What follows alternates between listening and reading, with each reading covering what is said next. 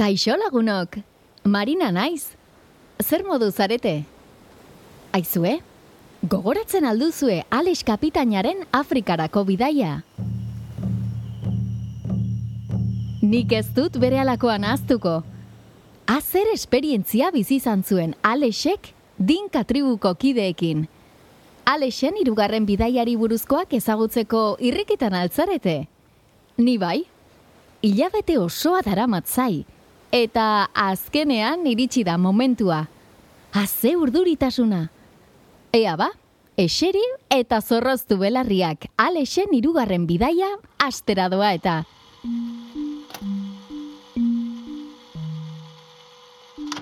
Kaixo lagunok, ales naiz, paperezkoak vaporearen marinela. Denbora desente igaro bada ere, Afrikako bidaia aztu ezin da nabil oraindik. Ze ondo pasatu nuen dinka tribuko lagunekin batera zuaren inguruan dantzan. Ai, ama. Ondo pasatzeaz gain ikasi ere egin nuen Afrikarako bidaian. Konturatu nintzen pertsonok elkarren artean berdinak eta aldi berean oso ezberdinak izan gaitezkeela. Ezberdintasunei buruz hausnartzen ari nintzela pentsatu dut nolako haute da bizitza munduaren beste aldean. Bertako herritarrak buruz behera biziote dira? Oh, galdera honi erantzuteko asmotan, munduari bira osoa ematea erabaki nuen. Iparraldetik hegoaldera, goi-goitik beberaino. Laro gehiagun igaro ditut itxasoan munduari bira emateko. Ekaitzaldiek eragindako itxasaldiko gorrak sufritu behar izan ditut bidean, baina azkenean iritsi naiz helmugara. Zelanda berrian aurkitzen naiz gaurkoan. Iritsi naizenetik sorpresak besterik ez ditut aurkitu lurralde honetan. Zelanda berrira abuztuan iritsi naiz. Una hemen lehenengo sorpresa. Uste nuen hemen Zelanda berrian, Euskal Herrian bezala abuztuan udara eguzkitzu eta bero bat aurkituko nuela, baina okernengoen Zelanda berrian, ustailean, negua da. Eta izugarrizko hotza egiten du. Zuek abuztuen eguzkitan kotxo-goxo zaudeten bitartean, ai, ni hotze sakabatzen nabil zelanda berrian. Baina ez pentsa, ez da hau eraman sorpresa bakarra. Baltzen ekiten Euskal Herrian egun argia denean, zelanda berrian gau iluna dela. Eta alderantziz, Zelanda berrian egun argia denean, Euskal Herrian gau iluna dela, eh? Zeinen ezberdinakaren. Euskal Herrian aurrak lokartzen ari diren bitartean, Zelanda berrian aurrak eskolara joateko esnatzen ari dira.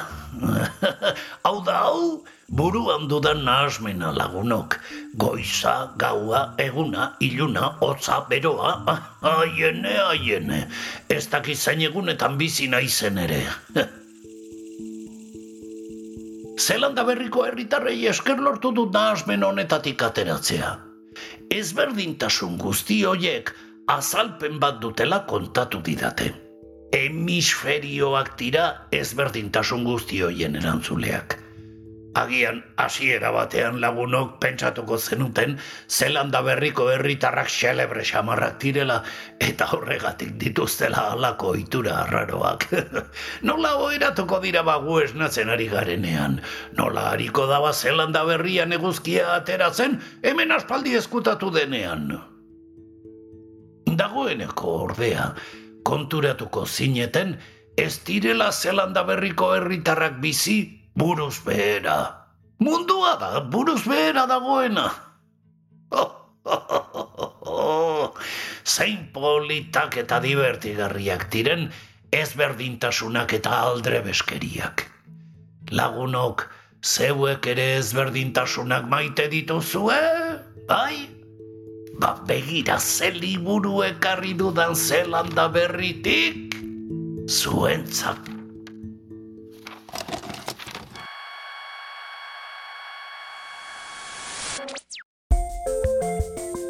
Zer iruditu zaizue Alexen Zelanda berrirako bidaia?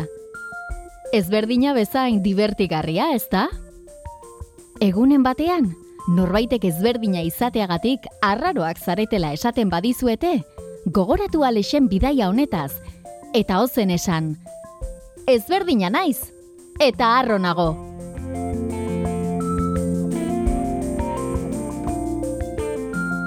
Entzun duzun podcast hau garoa liburu dendak eta ulu media ekoiztetxeak elkarlanean egina da. Gogoratu paperezkoak ekimenean izena emateko, paperezkoak.eus webunean sartu behar zarela.